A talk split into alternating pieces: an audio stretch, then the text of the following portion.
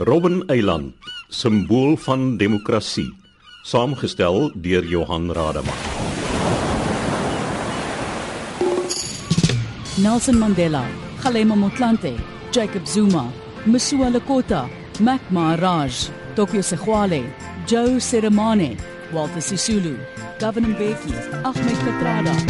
Rolling up all yesterday's warriors to help all today's barriers. No more whispers. Robben Eiland is in die 21ste eeu en na 20 jaar van demokrasie in Suid-Afrika veral bekend vir die struggle geskiedenis en omdat die eerste swart president van Suid-Afrika, Nelson Rolihlahla Mandela, bykans 18 van sy 27 jaar in gevangenskap op die eiland deurgebring het. Die eiland se geskiedenis en vorming lê veel dieper en strek heelwat verder terug. Ekoloog Duif Peppler Hierdie klippe wat ek op staan hier op Robben Eiland, hierdie swart klippe is ouer as Tafelberg. Hulle kom uit die Kruittydperk of Kambriese tydperk, meer as 450 miljoen jaar oud. Bo op hulle lê Tafelberg. Maar dan dink 'n mens in 'n stadium was hierdie eiland aan die vasteland hier by Blouberg het hy 'n saaltjie gehad. En daar was hy verbind aan die land. En dis hoe plante en diere hier gekom het in die ou dae. Maar dink 'n bietjie aan sy naam, Robben Eiland. Dit kom van die Kaapse rob uiteraard. En ek vermoed dat uh, van die eerste besoekers hier, nie die san nie want hulle kon nie daar kom nie, maar die met skepe het eers die robbe gesien.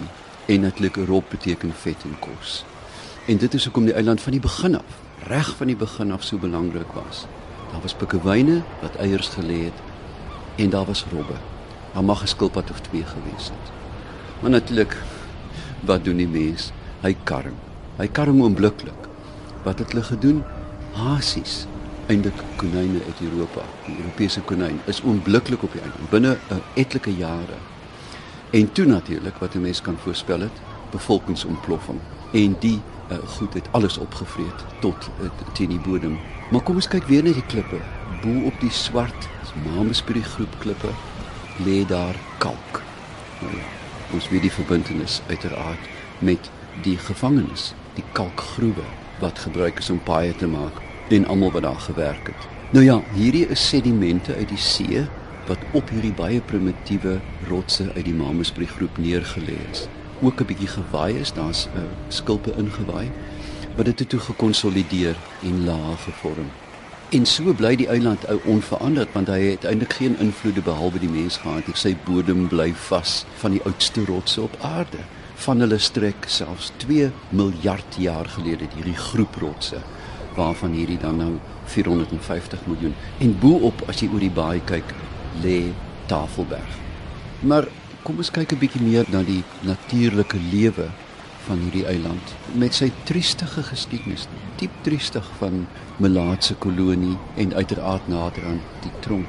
Was die eiland geïsoleer in 'n groot mate? Daar's nie kreef uitgehaal nie, daar's nie alle kruk uitgehaal nie, daar's nie vis gevang nie. Uh, uh interloops as jy mens kyk na van Riebeeck se dag met die walvisse wat so na aan die eiland gekom het. Uh uiteraard almal byna doodgemaak. Dan sien 'n mens onlangs dat die konyne is afhaal en herte, daar was ook Europese herte. Die hele lot is geskiet die uh, bevolking was natuurlik nie briesend daaroor maar ek dink dit was reg. En stadig maar seker kom die eiland tot sy eie reg weer. In elke kraak tussen die rotse in elke gaatjie was daar saad en bolletjies.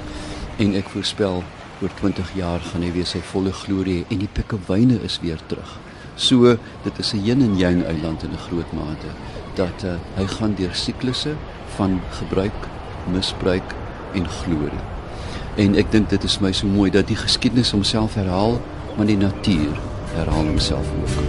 Op hierdie rots van stof en beton En al my nasse gaai en die groot groot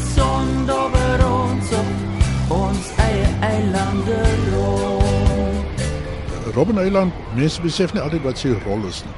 in ons geskiedenis nie. Maar vir my het hy het hy twee groot rolle gehad. Die eerste rol was hy was 'n aktiewe deelnemer aan alles wat by die Kaap gebeur het op een of ander wyse. Hy was gekonnekteer met feitelik alles. Die tweede was dat hy eh, 'n uh, soort van 'n stil swygende getuie gewees het van al die goed wat om hom gebeur het. Hy uh, was deel van die geskiedenis van die Kaap voordat die Kaap die Kaap genoem was. En uh, lank voor Jan van Riebeeck se aankoms. Dis nie waar die moderne geskiedenis, die geskrewe geskiedenis van die Kaap begin het nie, maar lank voor van Riebeeck se aankoms. Op 'n geval was daar in die 1630s byvoorbeeld was daar 'n muitery op 'n Oos-Indiese kompanie skip en die leiers van die muitery is eenvoudig op Robben Eiland gelos. Die skip het aangegaan. Van die vroeë uh, seevaders het dikwels uh, van hulle skape daar gelos en dan ander van die skape weer gevat uh, vir die reis van die Kaap af 3 maande na Indië toe.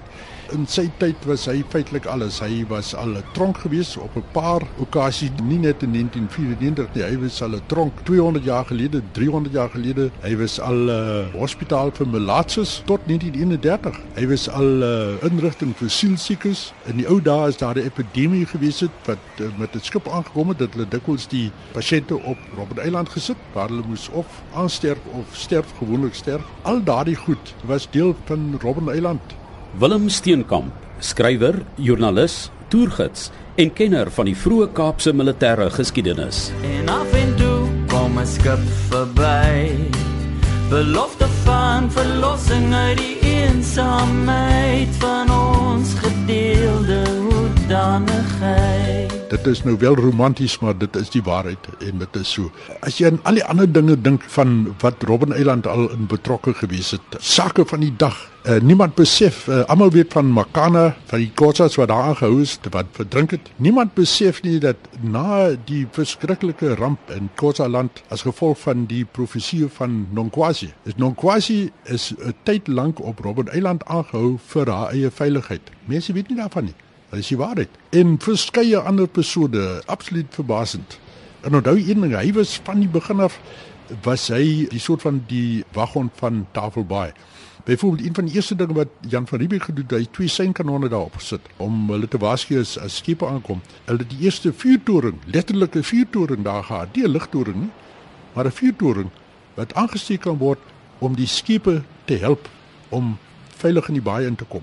Dis tog in van Riebeeck se tyd. So jy praat hier van die Moolie Point uh, ligtoring en slangkop en al daai goedes. Hier sien nou was op Robben Eiland. Dis 'n verbassende plek. En as jy nou kyk na sy dinge wat hy raak gesien het al die jare as stil swynde getuie wat net daar lag geleed en 'n lae profiel gehandhaaf het, jy weet. En jy bietjie dink, dink 'n bietjie byvoorbeeld aan die uh, slag van Blouberg. Jy kan van Blouberg af kan jy vir Robben Eiland sien hy het 'n entjie daarvandaan. 64 oorlogskepe wat in die baai inkom, hulle gooi anker, toe bombardeer hulle verskriklik vir Melkbos en vir Blouberg self. Jy kan die skote hoor klap. Uh, Sarsies van die muskette, jy kan die kanonne, die veldkanonne hoor, jy kan sien die ooggetuie sê hulle die kruitrook soos 'n wolk het daar opgetrek. Alles het dit het hy gesien en was deel daarvan. In die Tweede Wêreldoorlog byvoorbeeld, mense weet nie maar hulle drie baie groot kanonne daar gehad om te help om die baai te beskerm. Daar was Robben Eiland aktief betrokke geweest. Maar ek dink weer aan Blouberg. Ek stel baie belang in Blouberg wat een van die voorhouse daar geveg. Daar was 'n helde daad op Blouberg wat almal alva vergeet het. En dit is waar toe die Bataviërs teruggestoot word deur die Britse oormag. Het drie onder andere drie eenhede het vasgestaan tot die einde. En hulle die Britte lank genoeg vertraag om die Bataafse leer kans te gee om in sy geheel weg te kom sodat hy na die passe die bergpasse van die Boland toe kon gegaan het. En as gevolg daarvan uh, was dit 'n oorgawe in Kaapstad met was 'n uitgewerkte onderhandelde kapitulasie die Japanse artilleriekorps hulle was Maleise vrywilliger artilleriste vrywilligers. Die tweede was die Honderd lugtinfanterie dit was 'n kleurling regiment basies baie van hulle het by Genadendal gewerk vir al die onderoffisiere want hulle was baie goeie onderoffisiere. En die derde was 'n klomp boere van jagters van Swellendam, die Swellendamse ligte dragonders. Hierdie twee drie groepe mense wat oënskynlik uh, niks in gemeen gehad het behalwe dat hulle in die Kaap gebore is en dat hulle 'n soort van 'n proto-Afrikaans gepraat het. En dis nie genoeg nie. goeie soldaat sonder die gees. Hardloop net weg. Wat gestaan en veg tot die punt waar die generaal Jansen sou moes kom terughaal. Hulle sou uitgeroei gewees. Ek meen daar is nie twyfel nie. Maar 'n paar honderd van hulle. En dit vir my is een van die groot heldedade in ons militêre geskiedenis wat nog nooit enige erkenning ontvang het nie. En wat ons ook verloor het daar was weet Shakespeare het gesê we happy few we band of brothers for he today that bleeds with me shall be my brother. En daar het ons 'n broedersbende gehad. Manne van alle kleure, alle rasse, alle gelowe wat skouer aan skouer gestaan. En dit is 'n groot jammerte Dis 'n groot fout dat ons in die jare wat daarna gekom het, toe ons sou oorgeneem is deur die Britte, het ons van die broedersbende vergeet. Dit vir my is die grootste tragedie van hierdie hele storie. My message to those of you involved in this battle of brother against brother is this.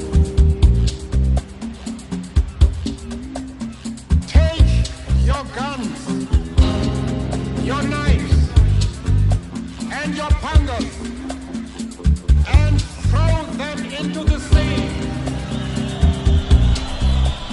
Ek is gebore in Woeste, maar ek het basies groot geword in Kaapstad en onder andere my hele hoërskoolloopbaan het ek skool bygewoon in die hartjie van uh, Kaapstad in Rolandstraat. En so Robben Eiland op daardie stadium, dis in die 60er jare wat 'n bietjie my ouderdom weggee. Robben Eiland was daai eiland daar in die baai van Kaapstad. So ons was bewus van uh, Robben Eiland dat dit daar is en gewonder wat daar aangaan. Maar dit was maar eers hier in die latere jare dat Robben Eiland werklik betekenis vir my gekry het. Toe ons nou ontdek wie werklik op Robben Eiland aangehou word. Met die tyd uh, het ek uh, voorsitter geword van die Westelike Provinsie Raad van Kerke.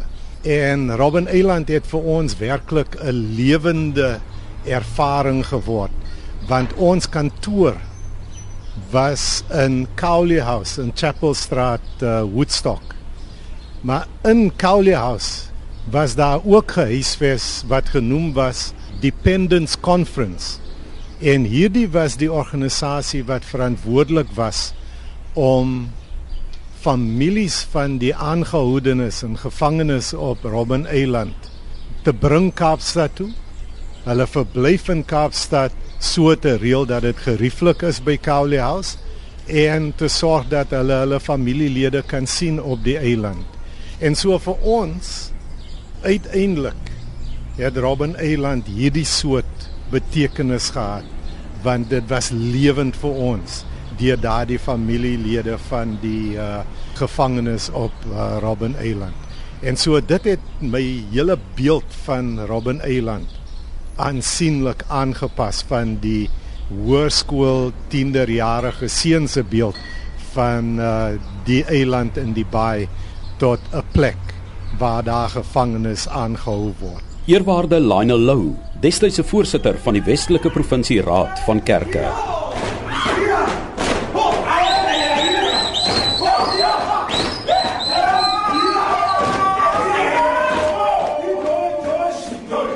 Godsdiens en drama was fyn verweef op Robben Eiland en dikwels die geestelike oorlewing van gevangenes op die eiland. Visierektor gemeenskapsinteraksie en personeel en professor in drama aan die Universiteit van Stellenbosch, professor Julian Smith. Mens sou kwaliek kon dink nou dat ons dit weet dat daar versamelde werke van Shakespeare eintlik in verdoeselde vorm onder die gevangenes versprei is en dat hulle eintlik ehm um, voorkeur passasies gehad het wat hulle gemerk het en geteken het. Natuurlik het ons dit nie in daardie stadium geweet nie, maar terugskouend moet 'n mens sê drama is eintlik nie 'n toeval dan nie en 'n teks soos die van Shakespeare definitief ook nie. Hy is natuurlik 'n vermaarde woordkunstenaar wat 'n geweldige impak kon maak deur wonderlike dialoog, deur eintlik gelade situasies tussen karakters en dit verbaas my glad nie dat die gevangenes op Robben Eiland inspirasie gevind het in sy uh, dramatekste nie en dan natuurlik ook hoop daarin gevind het analise van lewenssituasies, analise van uh, verhoudings tussen mense en natuurlik ook gesagsverhoudings en magsverhoudings en duidelik was hulle uitgelewer aan 'n uh, stelsel wat dehumaniserend was en hulle het eintlik in 'n ontgoogelde situasie alself bevind. So hoe maak jy sin van jou lewe? Dit maak vir my heeltemal uh, sin dat hulle in daardie tekste en die memorisering van die tekste en die voordra van die tekste eintlik dan nou hulle self probeer handhaaf het en en bloot al balans probeer handhaaf het. Dis nogal opvallend dat in die tyd toe ons geslag Eh, wat in die vroeë 70er jare begin studeer het dat ons nie noodwendig baie verwysings, direkte verwysings in ons akademiese werk en die voorgeskrewe dramas na uh, Robben Island of Mandela of die ANC en so meer gekry het. Dit is voorspelbaar omdat die uh, apartheidstelsel in daardie tyd nie uh, eintlik daardie verwysings na verbande persone en verbande organisasies eintlik verdra het nie so jy was as student kwesbaar en dit was 'n risiko eintlik om om eksplisiet sou ek sê aan daardie kulturele aktiwiteite deel te neem waarin uh, daar spesifiek daardie soort verwysings was. Interessant dan ook dat in die hele oeuvre van Adam Small uh, wat ek uh, in 'n stadium bestudeer het dat jy ook nie daardie spesifieke direkte verwysings kry nie maar die simboliek van Robben Eiland dink ek gaan en dit behoort vandag nog so te wees dit gaan om waardes. Waarmee assosieer ons Robben Eiland? En van my uh, drama agtergrond sou ek sê dit gaan om waardes soos menswaardigheid, menslikheid, medemenslikheid. Dit gaan om vryheid. En dis wat drama ook baie goed doen naamlik om eintlik teepole te juxtaposeer of of teenoor mekaar te stel. Daar is vrede en oorlog of revolusie, daar's liefde en haat. Daar is dink ek hoop volheid en hopeloosheid, 'n gevoel van hopeloosheid. So daardie uiterstes word baie goed dink ek gedramatiseer. En soms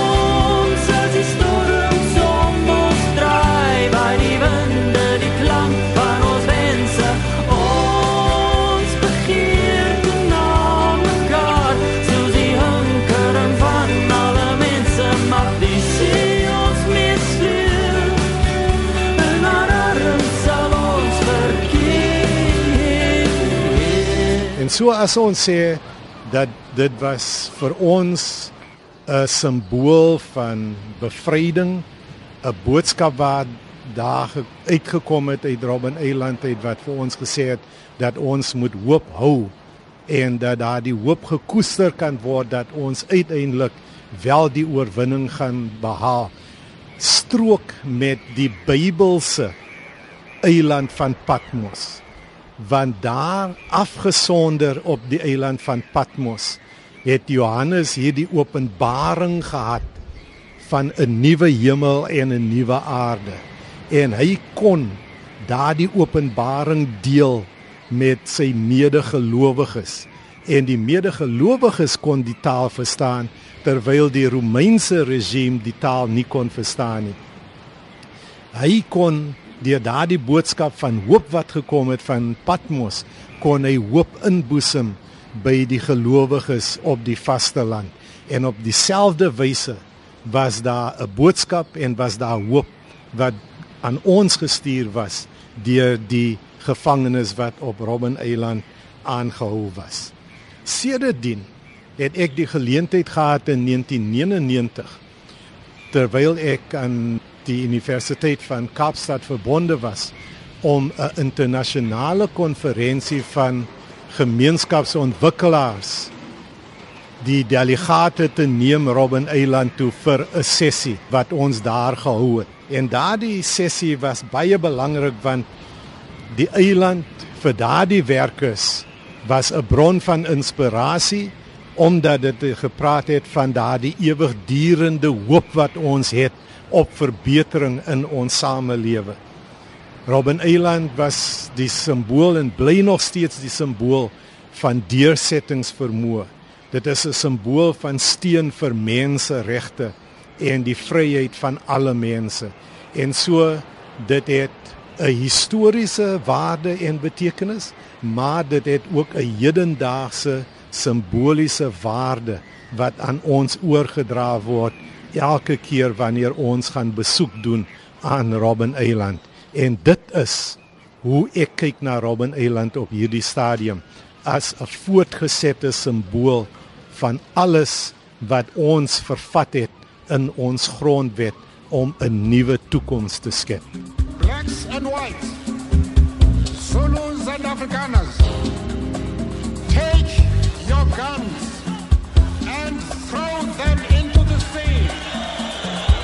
Enver Domini is die hoofuitvoerende bestuurder van Kaapstad Toerisme. Robben Island is ongelooflik waardevol vir nie net Kaapstad nie, maar ook vir Suid-Afrika. Robben Island is 'n simbool van vryheid, van moontlikhede, ook 'n ikoniese aantreklikheid vir toerisme. Die eiland is in 1999 verklaar as internasionale UNESCO wêrelderfenisgebied. Slegs een van twee wat in Kaapstad is en dit is ook een van die aantreklikhede vir toeriste na Kaapstad. Hierdie jaar is, is ongelooflik spesiaal vir toerisme en vir Kaapstad omdat dit 20 jaar van demokrasie is en Robben Island is 'n simbool van daai demokrasie en vir toeriste wat 'n deel van 'n storie wil wees en ook onder die vel van 'n plek wil inkom is Robben Island 'n hoek vir daardie geleentheid. So as ons kyk na die getal mense wat na Robben Island toe verlede jaar gekom het in 2013 was dit omtrent so 320 000 van hulle. So dit is 'n groot getal mense wat verstaan en ook 'n stukkie van Robben Island wil hê in een vorm of ander. Miskien 'n foto, iets wat hulle koop, maar vir hulle is dit 'n storie wat baie belangrik is en is verskillende stories vir verskillende mense. Vir Suid-Afrikaners is dit oor demokrasie en vryheid. Vir ander is dit 'n simbool van enige iets moontlik. En daarom is nie net Robben Island nie, maar die storie van die mense van Kaapstad so baie belangrike ding vir toerisme want wat ons vandag besef as Kaapstad toerisme is dit die stories van die mense in die gebied wat baie meer belangrik is as net net die geskiedenis. Van die gewilde aantreklikhede op die eiland, ou president Nelson Mandela se tronksel, die Robben Island ligtoring en ook die Motoro kramat. So dis ook 'n kombinasie nie net van ons geskiedenis nie, maar ook van verskillende kulture en mense van oral in die wêreld. Omdat daar soveel besoekers na Robben Island gaan, is dit ook um, bewyse dat dit 'n baie populêre toeristebestemming is en ook hopelik vir altyd sal bly.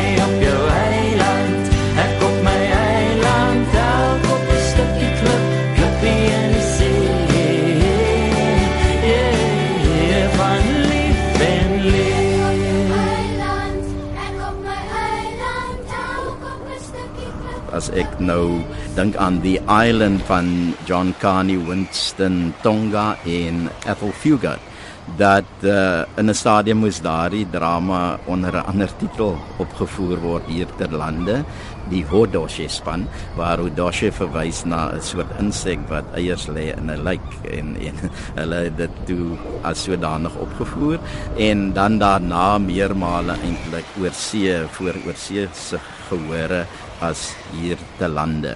Dis die breë spektrum van gedagtes wat losgemaak word deur Robben Island en Nelson Mandela en die vryheidsstryd en die teenoor gesteldheid van die vrye samelewing sogenaamd wat eintlik net 'n deel van die samelewing behels het en dan die inkerkering van diegene wat eintlik die beste toegerus was in terme van leierskap en terme van politieke uh, vermoë om eintlik bevryding te bewerkstellig. 'n Mens sou kon wonder hoekom juis uh, Shakespeare uh, sy vermoë om om woorde te gebruik en woorde in te span om dialoogsituasies te skep is natuurlik uh, sonder weergawe en dan is drama 'n genre deur middel waarvan geanaliseer, geromantiseer, gediskrediteer en geïdealiseer kan word. We are committed not only to freedom within our country, we seek freedom from tyranny in the entire region. Robben Eiland, simbool van demokrasie, is saamgestel deur Johan Rademan.